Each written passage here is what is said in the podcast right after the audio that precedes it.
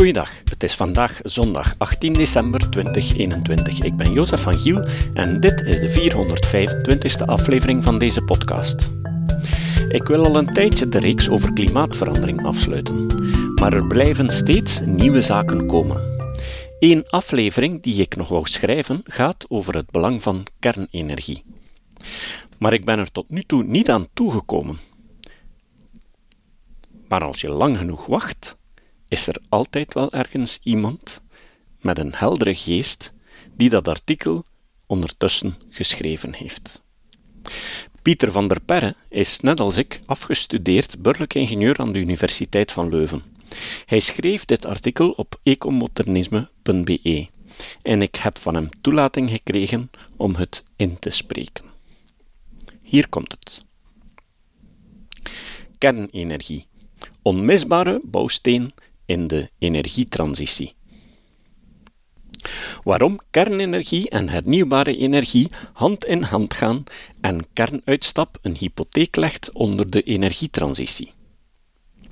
Indien het huidige wettelijke kader wordt vervolgd, sluit in 2025 de laatste Belgische kerncentrale. Daarmee verliest ons land zijn belangrijkste elektriciteitsproductiebron, goed voor ongeveer de helft van alle Belgische stroom. Deze analyse wil bijkomende elementen aanbrengen en daardoor een ander licht werpen op de geplande sluiting en de blokkering van nieuwe nucleaire capaciteit, die verstrekkende gevolgen zullen hebben voor de kansen van de vele technologieën en investeringen die juist moeten leiden tot een energietransitie.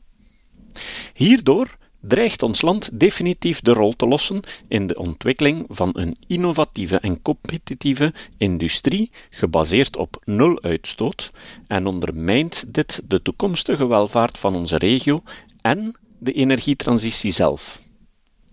Deze aspecten zijn tot nu nauwelijks belicht in het publieke debat. Gezien de huidige politieke situatie is deze nota een oproep om het geheel van de uitdaging van de energietransitie te herbekijken en de onmisbare rol van kernenergie daarin.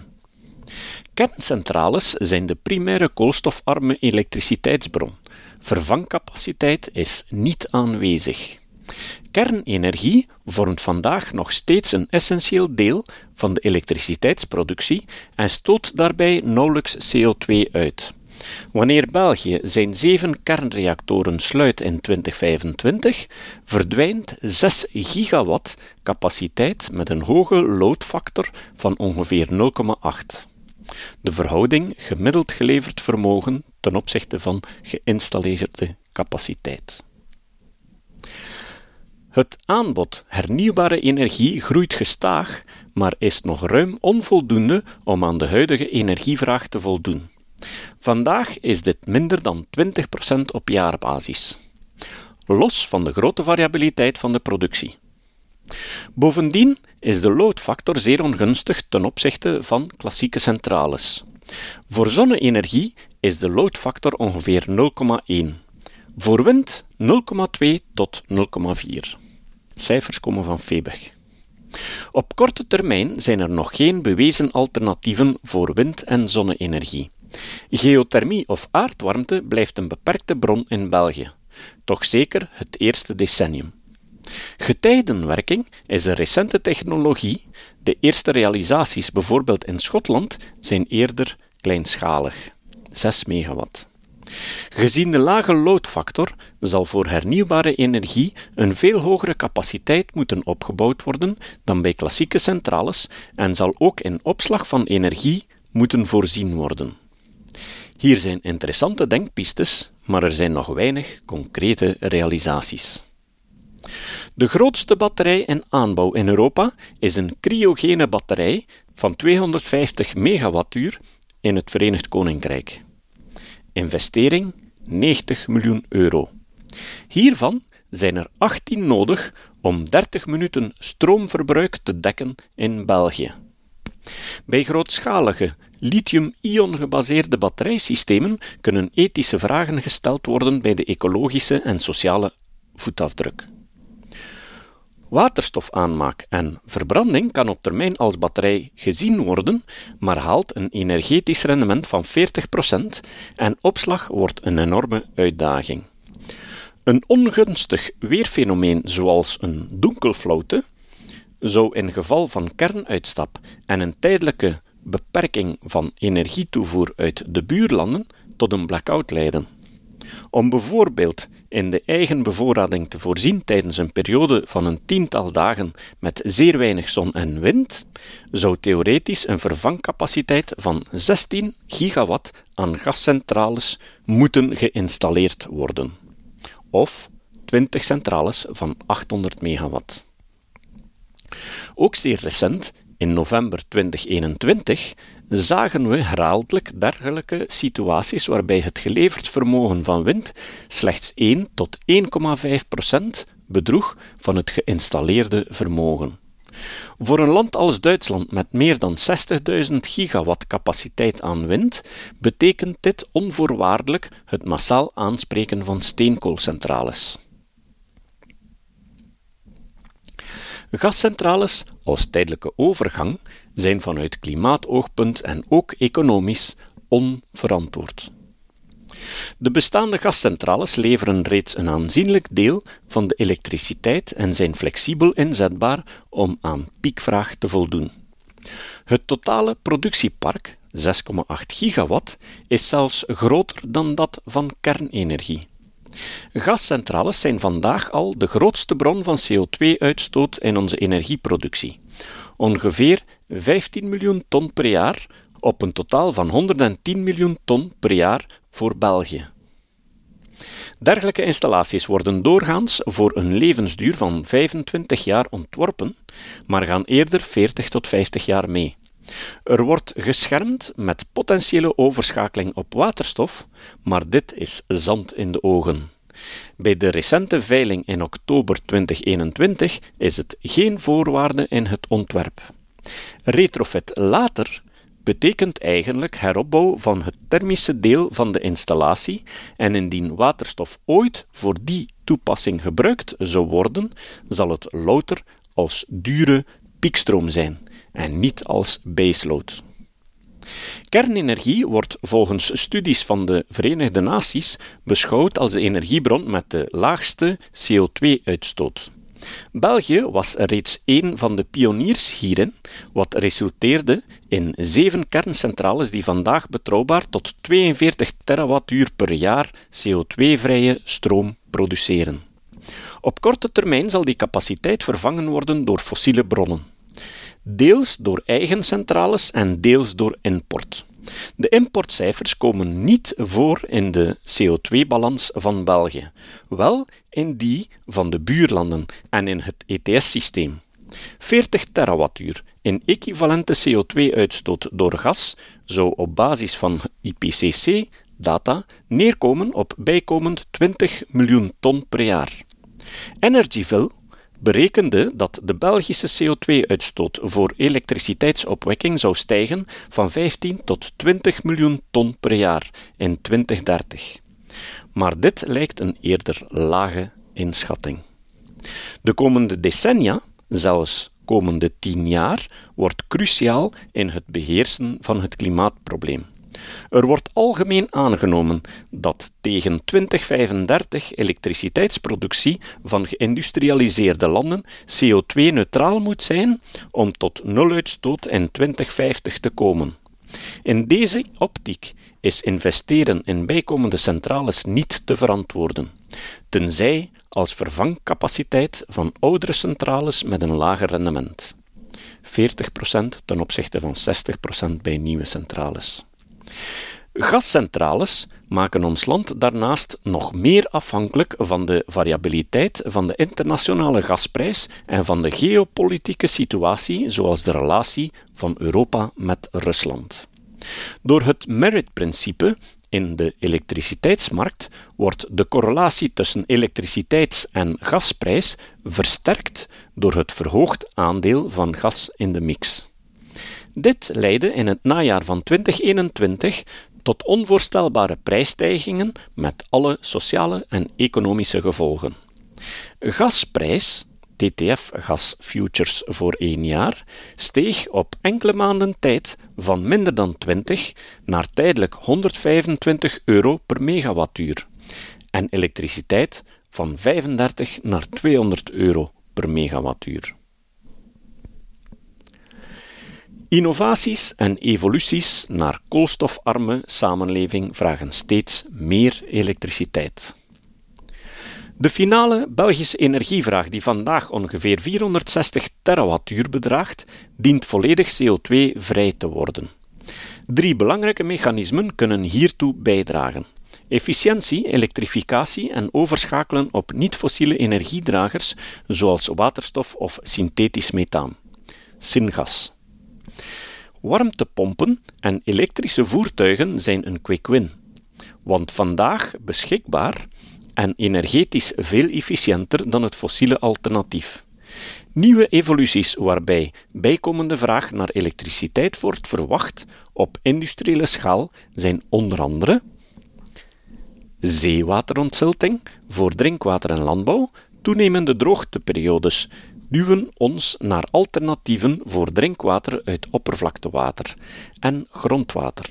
Ontzilting van zeewater is een mogelijkheid, maar energieintensief en wordt bijvoorbeeld ingezet in Israël en het Midden-Oosten. Elektrolyse voor waterstofproductie splitsing van water in zuurstof en waterstof. Voor een aantal toepassingen, zoals zwaar transport, hoge temperatuurprocessen in de industrie en luchtvaart, wordt er wereldwijd aan alternatieven gewerkt voor fossiele brandstoffen. Hier kunnen waterstof en fuels gebaseerd op waterstof een oplossing bieden. Momenteel zijn de elektrolyseprojecten nog kleinschalig. Het grootst lopende project in Europa is een installatie met een vermogen van 25 megawatt. Uitgaande van studies van het Planbureau zou de waterstofvraag tegen 2050 rond de 350 terawattuur bedragen.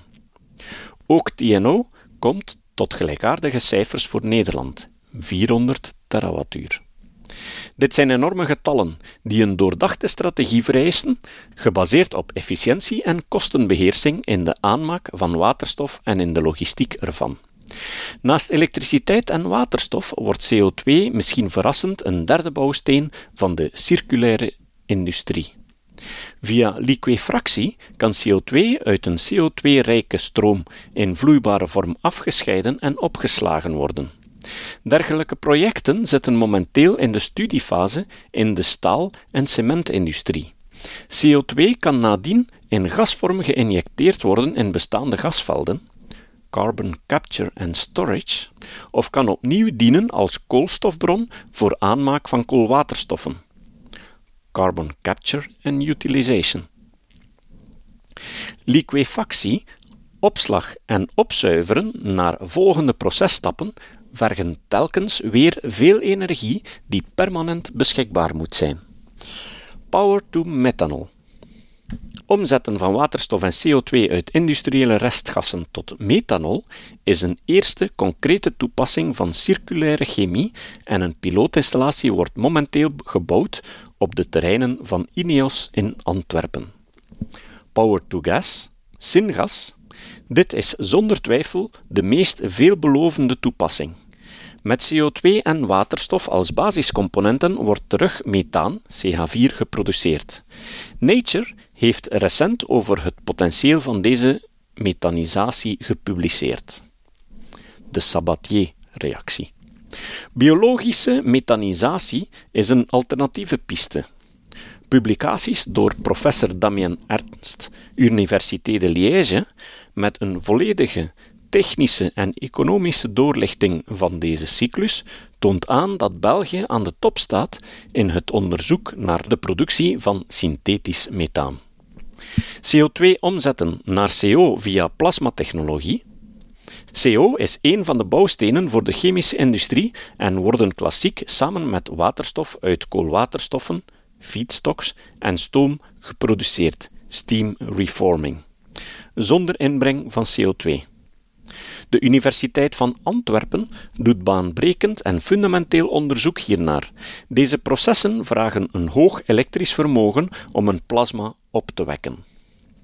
De Antwerpse chemiecluster kan een leidende rol spelen in deze innovatieve processen rond waterstof, CO2 en synthetisch methaan, dat uiteindelijk als groen gas kan geïnjecteerd worden in het bestaande net ter vervanging van aardgas. Industrieel en residentieel.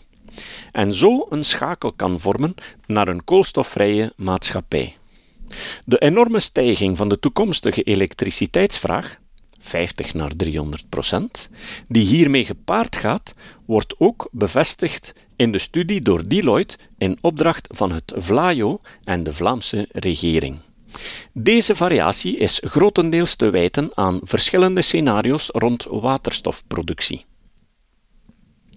Importstrategie waterstof, technisch-economisch risico en druist in tegen aanpak andere industriële mogendheden, waterstof uit kernenergie, onmiddellijke klimaatwinst. Hernieuwbare energie zal wellicht nooit de elektriciteitsvraag kunnen dekken, laat staan permanent overcapaciteit hebben voor eigen waterstofproductie op grote schaal. De ideologische blokkering rond kernenergie leidt tot de vlucht vooruit in de waterstofaanpak en keuze van België voor import van groene waterstof geproduceerd uit zonne-energie van landen als Namibië en Chili. Het is weinig waarschijnlijk dat waterstof in vloeibare gasvormige vorm rendabel kan ingevoerd worden. Omzetting naar ammoniak is eveneens niet voor de hand liggend.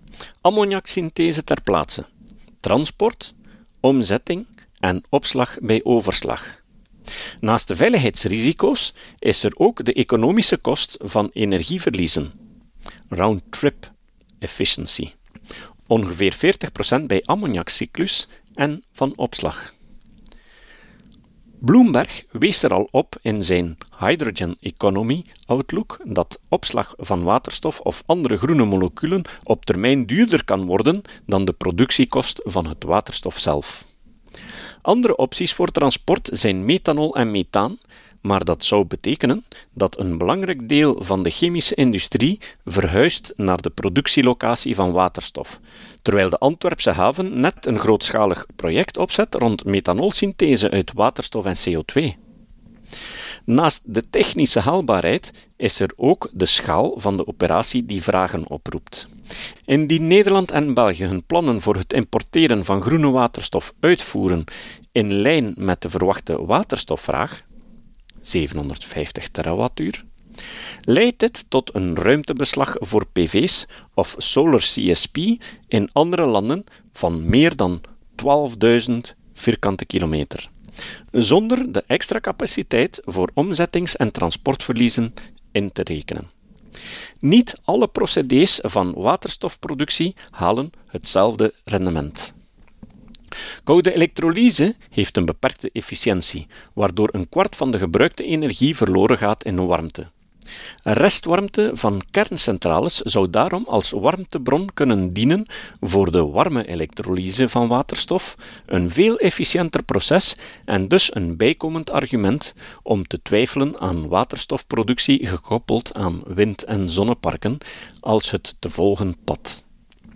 Nog een stap verder zijn de SMR's, Small Modular Nuclear Reactors, die specifiek ontworpen kunnen worden voor fysiochemische productie van waterstof zonder de tussenstop van elektrolyse.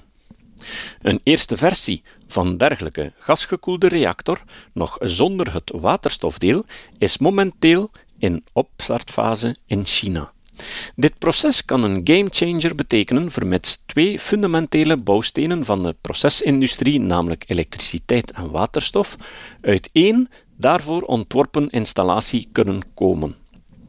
Een rekenvoorbeeld om de omvang te schetsen van de op til zijnde omwenteling in de waterstofproductie, de totale waterstofvraag van de Vlaamse en Nederlandse industrie samen, draait vandaag rond 2 miljoen ton per jaar. Dit is uiteraard grijze waterstof, geproduceerd uit methaan en daardoor goed voor meer dan 18 miljoen ton CO2-uitstoot per jaar. Om die waterstof via elektrolyse te produceren is 120 terawattuur nodig, of drie keer het park aan Belgische kerncentrales.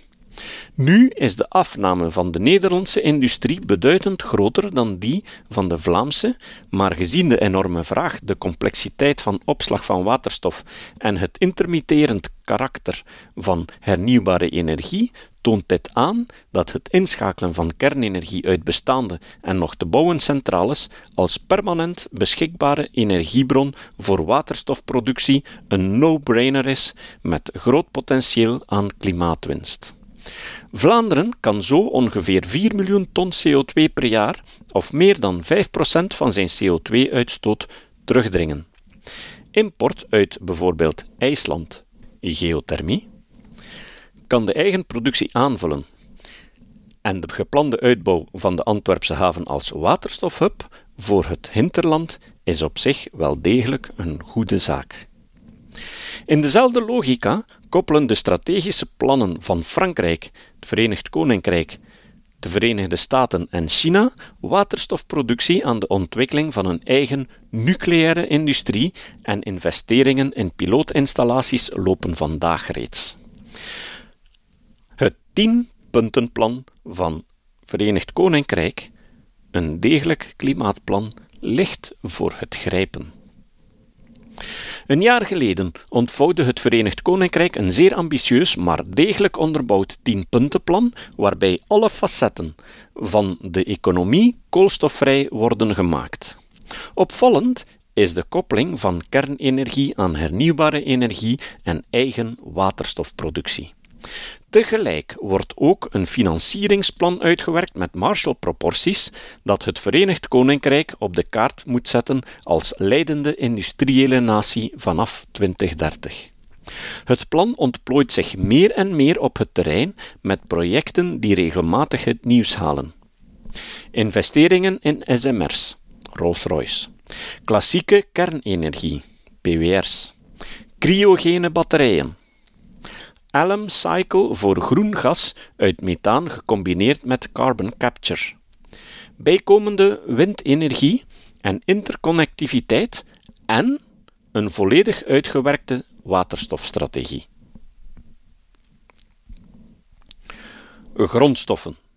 De bottleneck van hernieuwbare energie en logistieke keten grotendeels in handen van China. De impact op grondstoffen blijft sterk onderbelicht in het debat over de energietransitie. Eender welke technologie vereist zeer veel grondstoffen. Maar zonne-energie en batterijen spannen de kroon.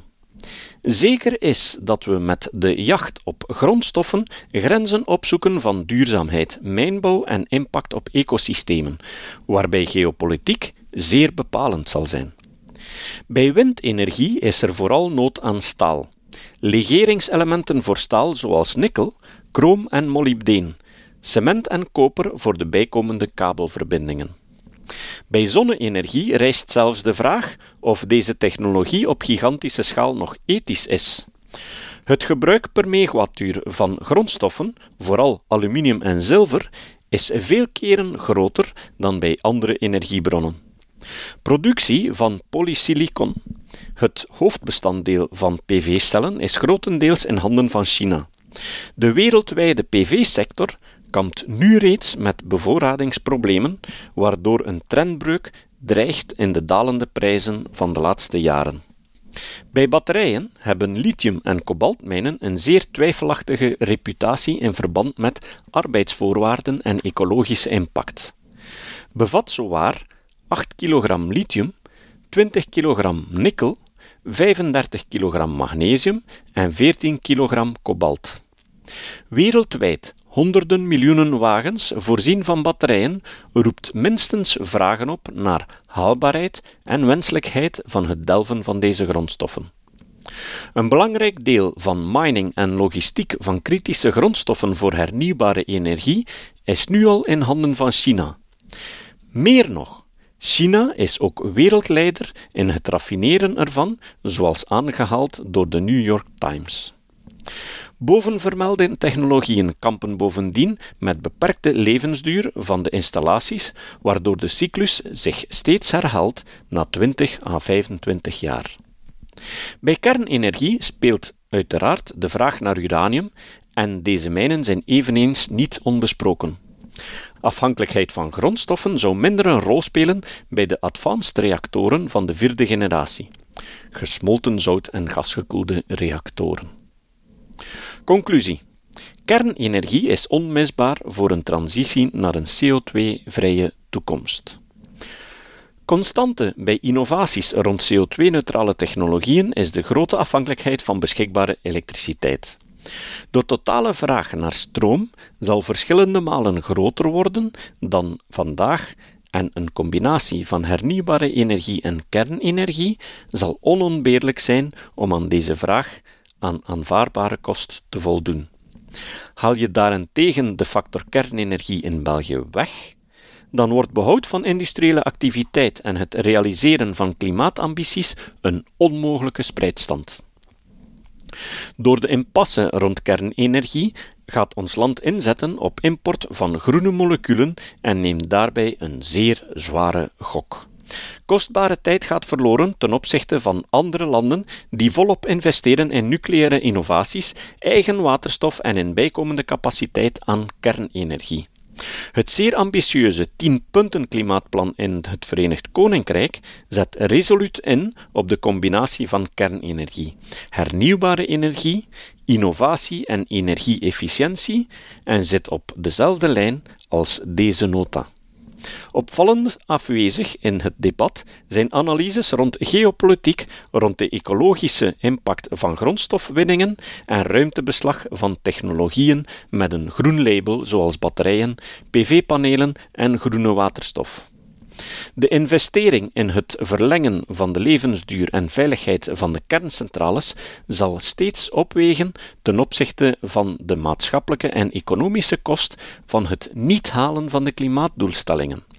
Productie van groene waterstof voor de chemische industrie kan vandaag reeds met energieoverschotten van bestaande kerncentrales en met onmiddellijke klimaatwinst.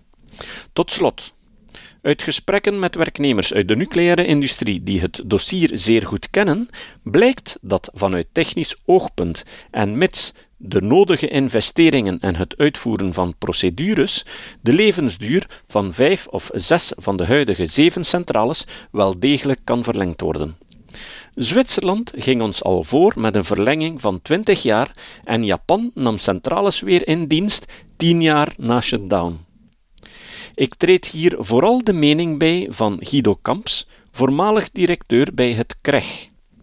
Verleng de levensduur van de kerncentrales zolang de nucleaire waakhond FANK de uitbating veilig acht en hef een redelijke tax op de nucleaire superwinsten. Dit advies werd ook duidelijk aan ons land gegeven door het Internationale Energieagentschap.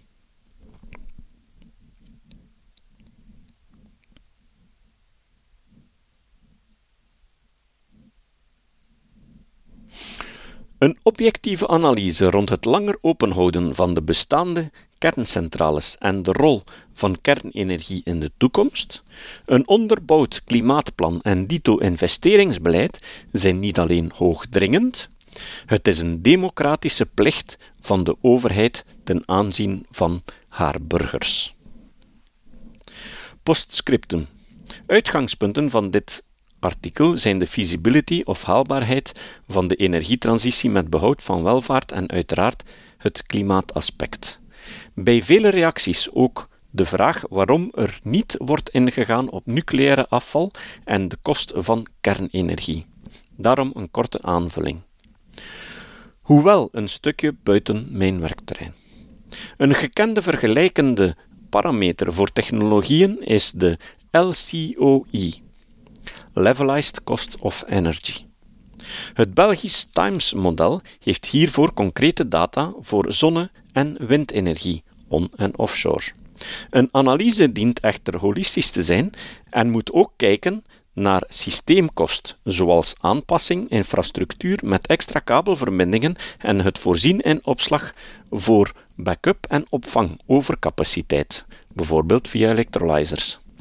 Kost van delokalisatie ten opzichte van profit van eigen waterstofproductie en downstream industrie, impact van technologiekeuze op bevoorrading, op kostprijs van energie en op handelsbalans, kost van eventuele afschakelmomenten, klimaatkost en daaraan verbonden ETS, CRM en andere subsidies.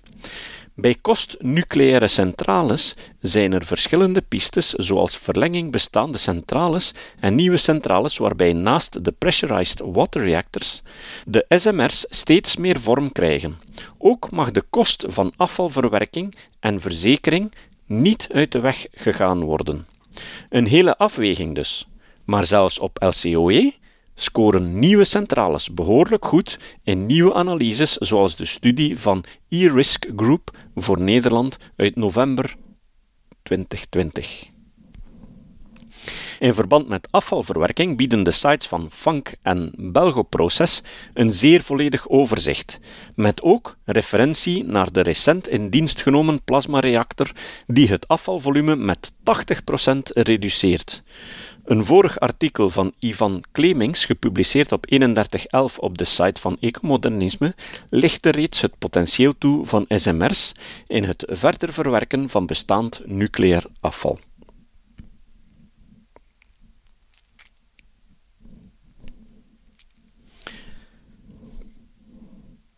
Het citaat. Het citaat van vandaag komt van Hans Rosling. Rosling zei: in sommige gevallen, Fukushima, DDT, is de angst voor een onzichtbare stof zo doorgeslagen dat ze meer schade veroorzaakt dan de stof zelf. Tot de volgende keer. Dit was de podcast Kritisch Denken. Vergeet niet om alles kritisch te behandelen, ook deze podcast. Voor verdere informatie over deze podcast, links en voor de tekst, surf naar www.kritischdenken.info. Als je deze podcast belangrijk vindt, kun je me steunen door anderen warm te maken ook eens te luisteren. Stuur een e-mail naar vrienden met een link naar de website en plaats de link in de handtekening van je e-mails. Tevens kun je op iTunes deze podcast een beoordeling geven of een recensie schrijven. Of je kan op je eigen website of blog een link naar kritisch denken plaatsen.